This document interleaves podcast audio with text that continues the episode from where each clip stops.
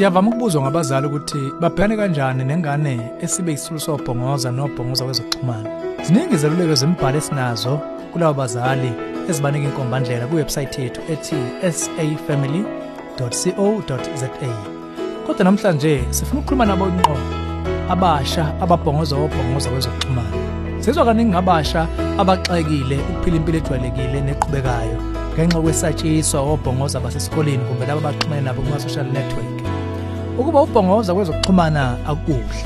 Sizokhuluma kabanzi ngale nhlekelele emiyalezo engemihle nezesabiso khona la ohlelweni ezomndeni. Ngethemba uzohlala ungasuki.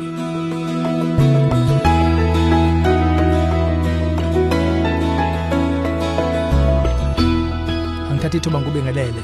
Ezomndeni uhlelo lwakho lokulethela izeluleko eziphathekayo ngaba ka focus on the family. Phambilini sizwe ngomuntu omusha obhekene nobhongoza okuthola kunzima ukuqhubana nempilo yesikole.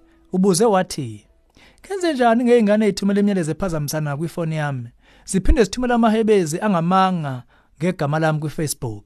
Ekuqaleni ngazama ukubaziba kodwa isimo sesidlulele ungangokuthi angisafuni nabo libhade esikoleni. Labantu bacekela phansi impilo yami. Angiqale ngokuthi ngibhlungu ngemiyalezo ode uyithola namahebezi amabi apostwa kwiFacebook ngawe.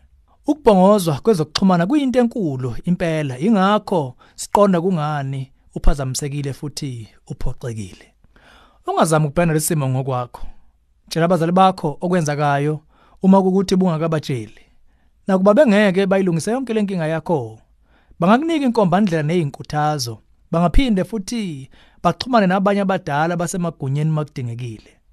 Futhi ngaba usizo ukutshela abanye abadala abathembekile ngobhekene nakho nokuthi ukubhongozwa ngezokuxhumana kuyiphethe kanjani impilo yakho. Umfundisi wakho umholi wentsha umholi webandla mhlobo womndeni sihlobo seduze kumbe uthisha wakho omkhonzile. Base ngakulungela ukukhuleka kunye nawe base ngaba neluleko zenani eliphezulu kuwe. Okunye futhi sengimemela ukuthintana nomunye abaluleki abathembekile la kwa focus on the family. Bothokozela ukuxoxa nawe bese balethe iphakamise ezihlaba ngqo ngokwesimo sakho. Ukuxoxa nomunye wabo sicela ushayele ku 031 716 3300 okwamanje abazali kumbe abakuqaphile bangakusiza ukunqoma izinga lakho lezokuxhumana kwi-social net ukuba libe njani. Balalele bese ulandela imigudu abakunika yona ukugcina engqondweni ukuthi konke bakwenza ngokukuthanda. Kuselapho nje kungakuhle uke uthi khumu. Ezintweni ezi-online nemqhafazo lokhu kuzokupha ithuba ukuhlumelela ngokwenhliziyo mhlawumbe nokubuyisela isidima sakho ngokwe-social net. Akuphoqe ukuthi ulahlekela nabangani bakho.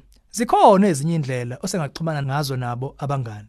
Abazali bakho basengaba nezindlela ezibuchule zokwenza lokho. Nakube ngebe lula kodwa zama ukuthembeka kuwe bese uyanqoma ukuthi uma kukhona iqiniso kulamahebezi nama comment abawenzele ngawe awulwangulwangu uma okunye kweyigxeko zabo zikhona yenza umehluko ophathekayo ekuyiphatheni kwakho.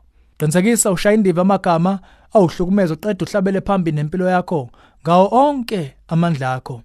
Uma ezinye lezi zitatimende ziwukuhleba okucekela phansi nodlame zigcine uyiqophe ngokomthetho. Uyobudinga lobufakazi uma kumele uthinte bomthetho. Okusemqoka kukho konke khumbula ukuthi uNkulunkulu uyakuthanda ezikhathini ezinhle nezibi. Wakudala ngomfanekiso wakhe unenani elikhulu phambi kwakhe kungakhathalekile ukuthi omunye umuntu uthini ngawe. Ngosola abazali bakho kunye nabanye uzodlula kulesimo esenzima chazile keqani ukuthi ifocus on the family inembhalo kuwebsite yayo ebhalwe izihloko ezinjengalesi futhi kuneyinkulungwane ezembhalo ekhona ebhane nqwaba ezimo ezihlukene ezikhathaze umndeni. Kunezincwadi engamakhulu futhi engaletha inkombandlela zekusize ngokwasekhaya ngezokholo ngena kuwebsite yethu ethi safamily.co.za uzokwazi ba uthola ukuthe xaxa.